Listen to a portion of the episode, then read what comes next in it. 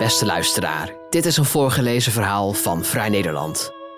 Emancipatie betekent volgens Menno CD in Nederland vooral vrouwenemancipatie en dat vertroebelt de blik op de problemen van mannen. In deze tweede aflevering van zijn serie over die problemen, jongens halen al 25 jaar een lager niveau op school dan meisjes. Maar is dat een jongenscrisis? Sam Peperkamp leest voor.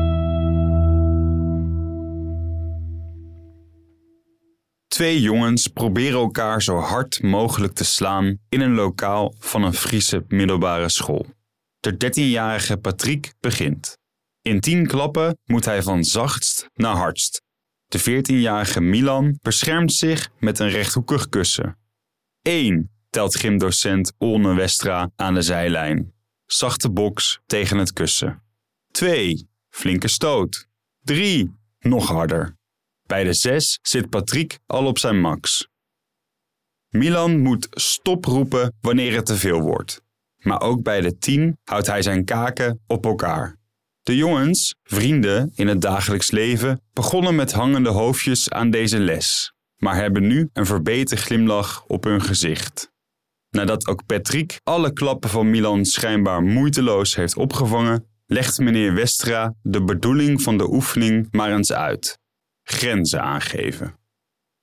Dit lesuur mogen Patrick en Milan, niet hun echte namen, een klein beetje over elkaars grenzen heen gaan zodat ze daarna beter weten waar die liggen. Westra zegt: Een docent in de klas heeft ook grenzen. Daar kun je overheen gaan. De jongens belanden recentelijk in gevechten of zijn onlangs geschorst. Westra gaat weer voorbeeldige leerlingen van ze maken, zegt hij tegen ze. Onne Westra is naast een energieke gymdocent ook een zogenoemde jongenscoach op RSG Simon Vestdijk, een openbare school voor VMBO tot Atheneum met ruim 1200 leerlingen naast het station van Hardingen. Een kilometer verderop vertrekt de boot naar Terschelling. Met nog drie andere jonge leraren begeleidt Westra jongens die worstelen met school. Het zijn leerlingen die er vaak worden uitgestuurd, hun huiswerk niet maken of zelfs blijven zitten. De docenten gaan een stukje met ze wandelen naar het centrum of naar het strand en voeren ondertussen gesprekjes. Waarom mis je de motivatie om te leren? Wat wil je bereiken in het leven? Soms helpen de jongenscoaches met een planning. Soms gaan ze fitnessen. En soms gaan ze rammen. Na het slaan komt het schoppen. Milan begint, Patrick houdt het kussen op zijn heup. Eén, zegt Westra. Zacht tikje. Twee, harder. Bij vijf trapt Milan Patrick uit balans. Stop maar, zegt Patrick zachtjes. Ik kreeg toch wel last. Er zou eigenlijk nog een derde jongen bij zijn, maar die is vandaag geschorst. Ze hadden van alles geprobeerd met gedemotiveerde jongens, zegt rector Gerald Schutte even later in zijn werkkamer. Echt heel veel. Ze nalaten komen. Een zogenaamd herstelmoment op de vrijdagmiddag, waarin ze het huiswerk dat ze te lang hebben laten liggen alsnog kunnen maken. Maar ze kregen het rendementsprobleem niet opgelost. Dat is inspectietaal voor zittenblijvers. En dat zijn met name jongens op de HAVO. Schutte zegt: En in 2019 dachten we, misschien is coaching wel wat. De docenten volgden een cursus in Snake bij KIK Jongenscoaching van Jan Steenekes. Hij komt uit het speciaal basisonderwijs, waar volgens hem 80% jongen was. Daarom besloot hij acht jaar geleden een coachingpraktijk op te zetten. Steenekes zegt: Ik was de eerste in Nederland die het jongenscoaching noemde. We werken uitsluitend in de natuur, in een heel groot park. Met jongens van zeven gaan we vlotten bouwen, in bomen klimmen. Jongens zijn van nature heel bewegelijk. Stenicus is zich gaan verdiepen in zogenaamde bioenergetica. Door lichamelijke oefeningen probeert hij blokkades, ontstaan in de vroege jaren, op te heffen, zodat volgens hem de energie beter kan stromen. Van hem komen ook de bokslessen. En de meiden dan? Stenicus zegt: Dan moet je eigenlijk mijn vrouw spreken. Zal ik vragen of ze beschikbaar is? Even later komt Lisanne Stenekus aan de telefoon. Zij neemt de meisjescoaching voor haar rekening bij expertisecentrum Stenekus, waar Kik onder valt. Zij zegt: Bij meiden zie je dat ze zich zo goed kunnen aanpassen dat school er nauwelijks onder lijdt. In elk geval niet wat betreft prestaties. Aan de andere kant hebben ze last van perfectionisme, prestatiedruk en stress. Het is niet zo dat meisjes met problemen op RSG Simon Vestdijk nergens terecht kunnen. Ze kunnen naar mentoren. De school heeft ook experts op het gebied van prestatiedruk. Er is een meidencoach. Maar de jongens vielen bij het docententeam gewoon meer op. De drie jongenscoaches worden betaald uit het potje dat elke school kreeg om corona-achterstanden weg te werken. Rector Schutte schat dat het hem zo'n 25.000 euro per jaar kost. De coaches worden enkele uren per week vrijgeroosterd. Het rendementsprobleem onder jongens is bepaald niet uniek voor RSG Simon Vestdijk. Uit het rapport De Staat van het Onderwijs 2019 van de Onderwijsinspectie bleek dat van de jongens met een HAVO-advies vijf jaar later slechts 35% een HAVO-diploma heeft. Bij de meisjes is dat 50%. Van de VWO-leerlingen is 53% meisje. Dat overwicht lijkt misschien niet zo groot en het percentage is al jaren stabiel, maar er speelt meer dan prestaties.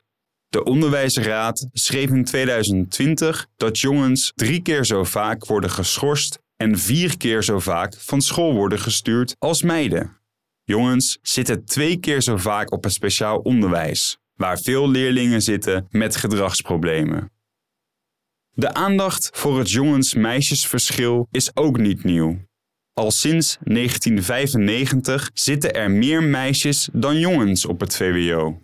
Sinds 1999 melden zich meer meisjes aan op de universiteit. En niet lang daarna verschenen de eerste rapporten, al dan niet in opdracht van de overheid, over wat vaak een jongensprobleem wordt genoemd. Media smullen ervan, zoals in 2011, toen een bestuurder van een vereniging met meer dan 2200 christelijke scholen voorstelde om meisjes en jongens met taal en rekenen apart les te geven. Wekenlang ging het over de zogenaamde jongenscrisis. De achterstand speelt op alle niveaus en wereldwijd. In IJsland zijn er inmiddels twee keer zoveel vrouwen die een universitair diploma halen als mannen. Zelfs in Saoedi-Arabië zijn nu meer vrouwelijke dan mannelijke studenten. In het Nederlandse hoger onderwijs worden de verschillen nog elk jaar groter. De afgelopen vijf jaar steeg het aandeel vrouwen op de universiteit jaarlijks met een half procentpunt tot bijna 54 procent in het schooljaar 2021-2022. Is dat een probleem? Demissionair onderwijsminister Robert Dijkgraaf zal de eerste zijn om het idee te bestrijden dat iedereen altijd maar een zo hoog mogelijke opleiding moet genieten. Hij wil het stigma op het MBO tegengaan door niet meer van laag of hoog opgeleid te spreken. En is theoretisch altijd beter? Jongens doen het misschien minder goed op school, maar meiden hebben meer last van prestatiedruk. En mogen meiden niet ook gewoon beter zijn in iets? Mannen halen hun achterstand op de arbeidsmarkt wel weer in. Maar het een hoeft niet ten koste te gaan van het ander. Sterker nog, onderzoek laat zien dat als jongens beter presteren op school, meisjes ook beter presteren. Hoe dan ook is er sprake van kansenongelijkheid. Jongens zijn even intelligent als meisjes. Dus ja, er is een probleem. Maar wat de beste oplossing is, daarover bestaan verschillende visies. Blijkt uit gesprekken met deskundigen en uit het doorspitten van de grote onderzoeksrapporten van de laatste decennia. Die oplossing blijkt afhankelijk van de oorzaak die men aanwijst voor de jongensachterstand. Daarin blijken twee smaken. Of je vindt dat jongens moeten veranderen, of het onderwijs moet anders. Aan verklaringen voor de problemen van jongens geen gebrek. De eerste en meest populaire van allemaal, de vele vrouwen voor de klas. In 2004 noemde in een enquête van de Algemene Onderwijsbond driekwart van het personeel in het basisonderwijs de zogenaamde vervrouwelijking van het onderwijs een probleem. Maar wat dat probleem precies was, daarover verschilden de meningen. Juffen zouden jongensgedrag eerder bestraffen. Hun autoriteit zou minder worden geaccepteerd door allochtone leerlingen. Respondenten maakten zich vooral zorgen om het gebrek aan mannelijke rolmodellen voor jongens en meisjes. Zeker als je bedenkt dat kinderen na een echtscheiding bijna altijd bij hun moeder blijven wonen. Leren kinderen nog wel dat mannen met kinderen kunnen omgaan? Op mijn basisschool was de enige meester zowel gymdocent als directeur. Een vrouw kan een jongen veel leren, maar niet hoe je man moet worden, zegt Lauk Woltring bij hem thuis in Utrecht. Woltring is als docent, jongenscoach en adviseur al decennia op zoek naar een positief verhaal voor jongens. Met oud-docent Dick van der Wateren stelde hij in 2019 het boek De ontwikkeling van jongens in het onderwijs samen. En hij schreef ook enkele hoofdstukken. Woltring en van der Wateren pleiten voor een onderwijsomgeving waarin meer ruimte is voor risico, fouten, creativiteit, complimenten, beweging en mannelijke leraren. Dat zou jongens allemaal ten goede komen. Ook de strakke indeling in jaarlagen, curricula en leeftijden knelt volgens Woltring voor veel jongens, die zich onregelmatiger zouden ontwikkelen. Hij zegt: Jongens gaan zich daarom misdragen en worden harder gestraft. In 2008 besteedde het Centraal Bureau voor de Statistiek in zijn Emancipatiemonitor aandacht aan de feminisering van het onderwijs.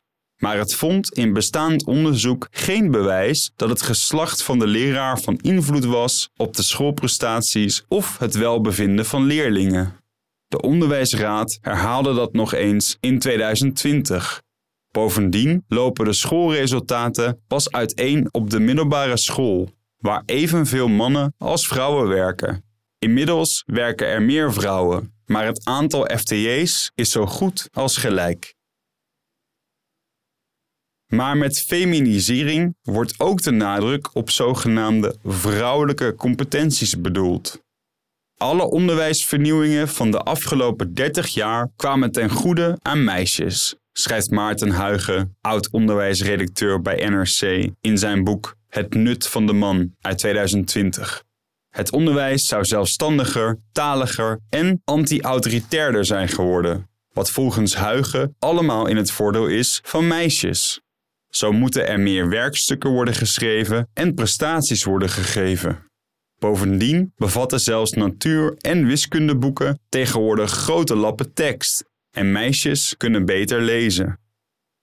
In het PISA-onderwijsonderzoek, waarin 15-jarigen in ongeveer 80 landen met elkaar worden vergeleken, scoren meisjes, zowel in Nederland als daarbuiten, consequent hoger dan jongens op het gebied van leesvaardigheid. Het Research Centrum voor Onderwijs en Arbeidsmarkt van de Universiteit van Maastricht zag in 2010 dat de invoering van de tweede fase eind jaren 90 gunstiger heeft uitgepakt voor meisjes. Studievaardigheden die voor de tweede fase belangrijk zijn, zoals zelfstandig werken en plannen, zouden bij meisjes beter zijn ontwikkeld. Ook op het MBO en HBO blijken meisjes het beter te doen dan jongens, als er een zelfstandige, actieve rol wordt verwacht van de student, bleek in 2015 uit onderzoek van de Universiteit Maastricht. Maar de inhaalslag van meisjes begon al voor de invoering van de tweede fase en is bovendien een internationale trend, terwijl niet in alle landen dezelfde onderwijsvernieuwingen zijn doorgevoerd. Dat meisjes beter presteren is zelfs van alle tijden. Tijdens een lezing in 2014 liet hoogleraar Greetje Timmerman een grafiek zien over de periode 1895-1928, waaruit bleek dat meisjes toen ook al minder vaak bleven zitten dan jongens. Alleen viel het minder op. Er gingen toen veel minder meisjes naar school.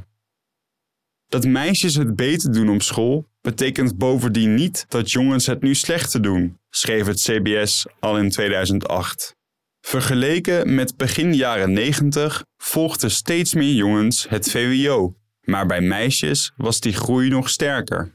Het CBS schreef: Jongens zouden altijd al minder geschikt zijn geweest voor het statische en talige schoolsysteem. Dat viel echter niet op, omdat voor meisjes ambities minder belangrijk werden gevonden en zij om die reden onder hun kunnen presteerden.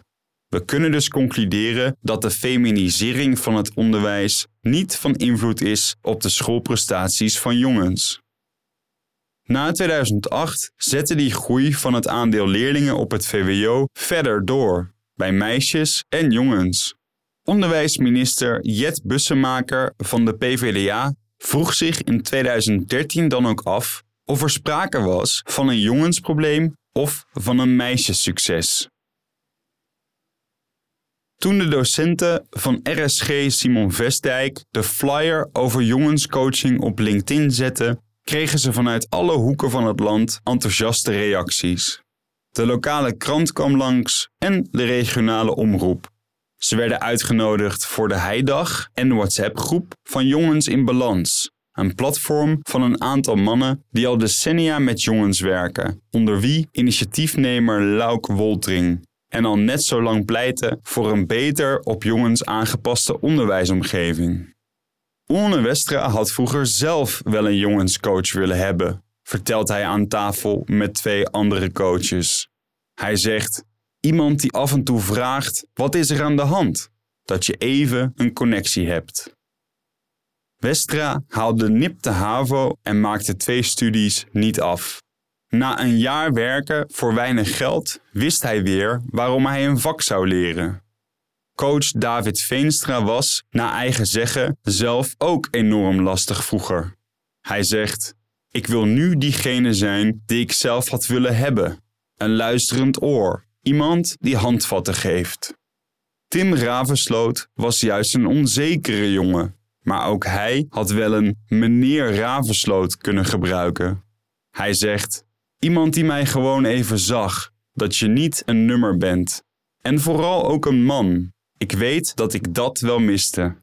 Een mannelijk rolmodel die gewoon tegen mij zei: Maak je maar geen zorgen, het komt allemaal goed. Ze filosoferen over de vraag waar de jongensachterstand vandaan komt. Alles komt voorbij: de feminisering van het lerarenberoep, het gebrek aan mannelijke rolmodellen de zelfstandigheid van meisjes, het verschil in hersenontwikkeling. Ze merken op dat jongens met voetbal de beste willen zijn, terwijl op school van die motivatie niets overblijft. Meisjes hebben meer ambitie, zegt Veenstra. Hij denkt dat dat onder meer komt doordat meisjes zich bewust zijn van de decennia oude strijd om gelijke kansen. De 16-jarige Jinte en 17-jarige Bente zitten in de mediatheek. Ja, ze vinden goede cijfers halen belangrijk. Als je hard hebt gewerkt, is dat gewoon een fijne beloning, zegt Bente, die al weet wat ze wil worden, namelijk fysiotherapeut. Niet zozeer vanuit huis, maar wel van sociale media krijgen ze mee: mannen verdienen meer, mannen hebben een betere baan, bla bla bla. Dat is dan toch gewoon het doel als vrouw dat overtreffen. Toch gaan ze beide van 4 VWO naar 4 HAVO dit jaar. Intussen blijft de nature-nurture vraag. Zijn meisjes van nature zelfstandiger en gedisciplineerder of wordt hun dat aangeleerd? Daar is nog altijd discussie over onder wetenschappers. Volgens hoogleraar neuropsychologie Jelle Jolles kunnen meisjes en jongens in potentie hetzelfde. Tenminste, rond hun 25ste jaar. De volgorde waarin vaardigheden zich ontwikkelen verschilt wel. Zo zijn jongens volgens Jolles geprogrammeerd om te bewegen en ontwikkelen taalvaardigheden zich bij meisjes eerder. Hij zegt: Jongens stotteren op vierjarige leeftijd vijf keer vaker dan meisjes. Maar met het taalvermogen van mannen is niks mis. Het betekent volgens Jolles dat jongens meer gestimuleerd moeten worden in hun taalontwikkeling en meisjes om op muurtjes te klimmen, om ondernemend te zijn. De impulsremming ontwikkelt zich bij jongens bovendien later dan bij meisjes, volgens Jolles. Daardoor reageren ze sterker op prikkels. Door hun bewegelijkheid zou het volgens hem bovendien helpen als er tijdens lessen meer ruimte is om te bewegen, om op te staan. Jolles zegt: Beweging is ongelooflijk belangrijk voor jongens en meisjes om je brein te ontwikkelen. Je moet na 25 minuten als het ware je brein uitschudden.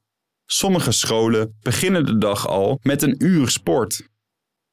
Wiskundedocent Siep de Haan, die in het parool zijn zorgen deelde over de achterstand van jongens, laat weten halverwege zijn lessen te dansen met de hele klas.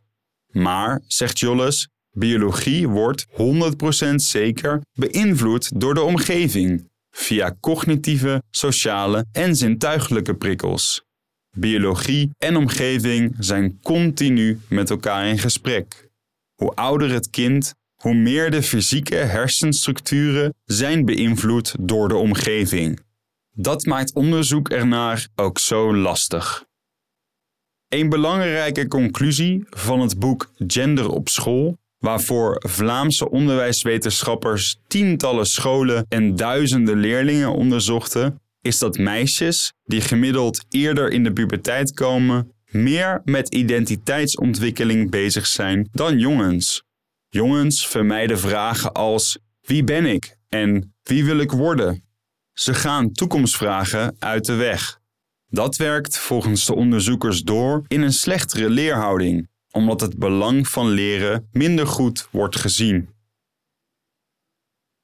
Volgens onderwijsdeskundige Annemarie van Lange, die al decennia lang onderzoek doet naar de verschillen tussen jongens en meisjes in het onderwijs, zitten de verschillen niet zozeer in nature. Ze zegt: Meisjes worden opgevoed om te voldoen aan de eisen van de omgeving, om ijveriger te zijn. Voor jongens is school not cool. Hoogleraar sociologie Greetje Timmerman haalde in haar lezing onderzoek aan waaruit bleek dat jongens populariteit verwierven als ze negatiever waren over school. De Vlaamse wetenschappers schrijven in Gender op school dat de druk die jongens voelen om zich te conformeren aan stereotypen rond mannelijkheid toeneemt in het begin van het voortgezet onderwijs, terwijl bij meisjes diezelfde druk rond vrouwelijkheid juist afneemt. Timmerman zegt: Jongens hebben het vaker moeilijker dan meisjes om de inzet voor school te combineren met het streven naar populariteit. In 2010, toen Annemarie van Lange voor de Radboud Universiteit Nijmegen werkte, voerde ze een grote overzichtsstudie uit naar de verschillen tussen jongens en meisjes. Die bleken klein en de ene keer in het voordeel uit te vallen van meisjes, de andere keer in dat van jongens. Tien jaar later liet de Onderwijsraad een meta-analyse uitvoeren van zo'n 100 onderzoeken. Opnieuw bleken de biologische en cognitieve verschillen klein en de ene keer gunstiger voor meisjes bij flexibiliteit, begrijpend lezen, sociale vaardigheden en de andere keer voor jongens bij zogenaamde mentale rotatie, een soort ruimtelijk inzicht. De onderzoekers vonden opmerkelijk genoeg geen verschillen in planningsvaardigheden en risicogedrag. Eerdere metingen dat de hersens van jongens een jaar achterlopen in de ontwikkeling bleken niet reproduceerbaar. De conclusie van de onderwijsraad was: de kleine biologische verschillen die er zijn, worden gedurende het leven van jongens en meisjes uitvergroot door ze anders te behandelen. Tekenend is de inhaalslag die meisjes hebben gemaakt op het gebied van wiskunde.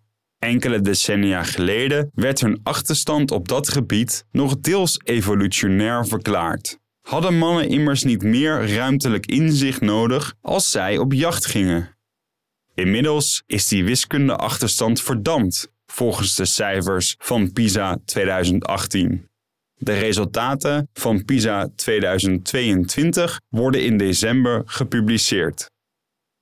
Ook van die jagende mannentheorie blijft steeds minder over. Vrouwen jaagden wel degelijk mee, schreef de New York Times onlangs. Zeker in gemeenschappen waar wild de belangrijkste bron van voedsel was.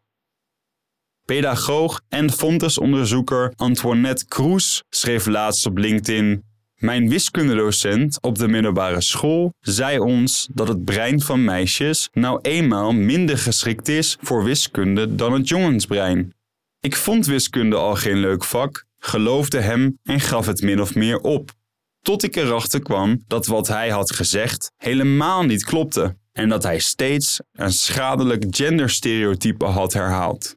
En nu kan ik mijn pas gepubliceerde artikel over statistiek met jullie delen. De jongens-meisjesverschillen worden verklaard door maatschappelijke en culturele factoren, al dus de onderwijsraad. Om die verschillen te verkleinen, moeten dus genderstereotypen worden aangepakt. Zogenaamde jongensculturen zijn minder op school gericht dan meisjesculturen. Jongens zijn eerder bang om een nerd te zijn. Doordat leraren lage verwachtingen hebben, zullen die ook uitkomen, al dus de onderwijsraad. Volgens Gender op school hebben leraren lage verwachtingen van jongens, ook als ze dezelfde schoolresultaten halen. De onderwijsraad adviseerde om geen seksenspecifieke initiatieven op te zetten om de prestaties van jongens te verbeteren. De raad legt uit het benoemen van bepaalde behoeften of kenmerken als typisch voor jongens of meiden kan stereotyperend werken. Grootschalig beleid van de overheid om achterstand van jongens in te halen is er dan ook nauwelijks. Het kabinet reageerde in 2022 op het rapport van de Onderwijsraad, met twee jaar vertraging wegens corona, en kwam niet veel verder dan het aanpakken van genderstereotypen in leermateriaal, bij leerkrachten en bij leerlingen zelf. Ik denk dat je niet zoveel beleid rond jongens ziet, omdat er ook veel andere vormen van achterstand zijn, zegt onderwijskundige Van Lange, nu werkzaam bij het onderzoeksinstituut KBA Nijmegen. Ze vervolgt: Denk aan het opleidingsniveau van de ouders, migratieachtergrond, armoede. Die factoren hebben allemaal een veel grotere invloed op de schoolloopbaan. Het maakt niet zoveel uit of jij als jongen of meisje wordt geboren in een gezin. Wel, in welk gezin? Van Lange begrijpt dat jongenscoaching voor sommige jongens kan werken. Ze zegt: Ik denk alleen wel echt dat ook meisjes er baat bij kunnen hebben. En waar moet je de non-binaire mensen plaatsen? Lauk Woltring vindt dat de onderzoeksrapporten van de afgelopen decennia zich te veel concentreren op meetbare prestaties, in plaats van op de veel grotere verschillen in gedrag.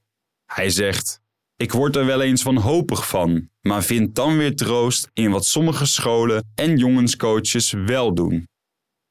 Welke onderwijsaanpakken goed werken voor jongens blijkt overigens te zijn onderzocht. De Onderwijsraad herhaalde namelijk de conclusie van het onderzoek Succesvolle onderwijsaanpakken voor jongens in het voortgezet onderwijs van het Constam Instituut aan de Universiteit van Amsterdam uit 2012. Daar was amper aandacht voor in de media. De onderzoekers bezochten scholen waar de jongens relatief goede resultaten boekten. Wat hen opviel was dat daar geen speciale aandacht aan jongens werd geschonken. De onderzoekers zeggen: men signaleert wel verschillen tussen jongens en meisjes, maar men probeert daar op individueel niveau mee om te gaan. Terugkerende elementen, zagen ze, waren het belang van structuur, regels en duidelijkheid van een veilig pedagogisch klimaat en persoonlijke aandacht voor leerlingen en van een goede begeleiding en zorgstructuur voor leerlingen. Er was ook veel keuzevrijheid. De onderzochte scholen boden de mogelijkheid om een vak op hoger niveau te volgen, of een cursus Spaans, theaterlessen of sport na school. Leerlingen konden op de scholen bovendien allerlei taken vervullen, zoals in de leerlingenraad, de musical of het feestcomité. Hoe breder het aanbod, hoe beter. Zo is er voor iedere leerling wat wils. Klinkt als bazaal goed onderwijs. En jongens blijken daar meer baat bij te hebben dan meisjes, al dus de Constam-onderzoekers. Zij zeggen: jongens moeten wat strakker worden aangestuurd op het plannen en organiseren van het schoolwerk en begeleid worden in het ontwikkelen van deze vaardigheden en het reflecteren op eigen leergedrag. Monitoren en persoonlijke aandacht is vooral belangrijk, omdat jongens minder geneigd zijn dan meisjes om hulp te vragen als ze problemen hebben. Precies die persoonlijke aandacht komt op veel scholen in de knel, zegt hoogleraar Jolles. Door het lerarentekort zijn klassen van meer dan 30 leerlingen, waar nu vaak onbevoegde leraren voor staan, geen uitzondering meer. De lees- en rekenvaardigheden van Nederlandse leerlingen hollen achteruit, van jongens en meisjes. Steeds meer leerlingen blijven zitten. Corona hakte erin, vooral mentaal. Jolles zegt: De coronaperiode heeft laten zien dat school niet alleen de cognitieve vaardigheden moet stimuleren, maar ook de sociale. Ik weet niet wat ik wel en niet moet leren, zegt Milan na het slaan en schoppen in kleermakers zit op de grond. Omdat ik niet weet wat ik later wil worden. En even later zegt hij: Als het maar goed verdient. Milan en Patrick zijn geen praters, althans niet in dit Duits lokaal. Ze kauwen continu op kauwgom. Vraag voor vraag peutert jongenscoach Olne Westra los wat er scheelt. Waarom ze steeds in gevechten belanden. Waarom ze niet opletten in de les. Hun boeken niet pakken als dat wordt gevraagd. Westra vraagt: Snappen jullie waarom de docent jullie er dan uitstuurt? Milan antwoordt: Ja. En Patrick zegt: Beetje. Westra vraagt: Waarom doen jullie dat dan? Milan: Anders is het saai. Patrick: Leren is niet leuk. Nee, zegt Westra, maar het is zo wel lastig lesgeven. Milan: Voor ons is het lastig concentreren. Patrick: We moeten ook worden beloond als we huiswerk wel af hebben. Dat ben ik met je eens, zegt Westra. Rector Schutte zegt in zijn werkkamer: Motivatie gaat over: heb ik controle over hoe mijn dag eruit ziet? Als iemand goed is in Nederlands, hoeft hij dat niet vijf uur in de week te volgen. Zo iemand zou wat meer aardrijkskunde of natuurkunde kunnen doen. Schutte zit erover te denken om leerlingen te betrekken bij het aanbod van de schoolkantine. Sommige jongens zou hij best twee halve dagen per week willen laten werken bij de Jumbo om de hoek, als ze daar gelukkiger van worden. Maar dat mag vast niet van de inspectie, zegt hij. Jongens lijken niet te weten waar ze het voor doen, zegt Olne Westra. Hij vertelt: Ik sprak vandaag een mentorleerling uit 5 HAVO. Die doet vanmiddag examen, maar heeft zich nog niet ingeschreven voor een HBO-opleiding. Hij weet niet wat hij moet doen. De jongenscoaching lijkt in te gaan tegen het wetenschappelijke inzicht dat een seksespecifieke benadering niet helpt. Maar in de coaching zitten ook elementen die wel stroken met wetenschappelijke inzichten. Gezien worden, een band opbouwen met leraren, persoonlijke aandacht. Olne Westra zegt: We merken met deze stap dat we jongens een beetje kunnen sturen, dat je echt contact met ze krijgt. En dan gaat het volgens de gymdocent niet per se om goede cijfers. Hij zegt: Ik heb een leerling begeleid die niet lekker in zijn vel zat. Na een half jaar zeiden de ouders: Westra, fantastisch. Ik heb een heel ander kind thuis. Hij gaat weer met plezier naar school.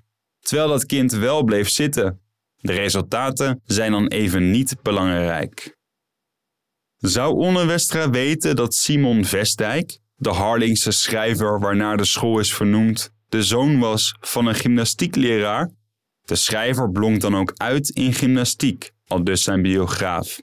Verder haalde hij ook bijna alleen maar achten. Zijn HBS in Harlingen telde in 1912 40 leerlingen en wel 15 leraren. Wil je reageren op dit artikel? Dat kan op het mailadres mlcd.gmail.com. Dat is mlsedee.gmail.com. Deze publicatie is tot stand gekomen met steun van het Fonds Bijzondere Journalistieke Projecten www.fondsbjp.nl Wil je meer verhalen van ons lezen of beluisteren? Kijk dan op vn.nl of abonneer je op Vrij Nederland in je podcast-app. Voor onze trouwe luisteraars hebben wij ook een speciale actie. Een half jaar Vrij Nederland online voor maar 15 euro. Kijk voor de aanbieding en de voorwaarden op vn.nl/podcast. Bedankt voor het luisteren.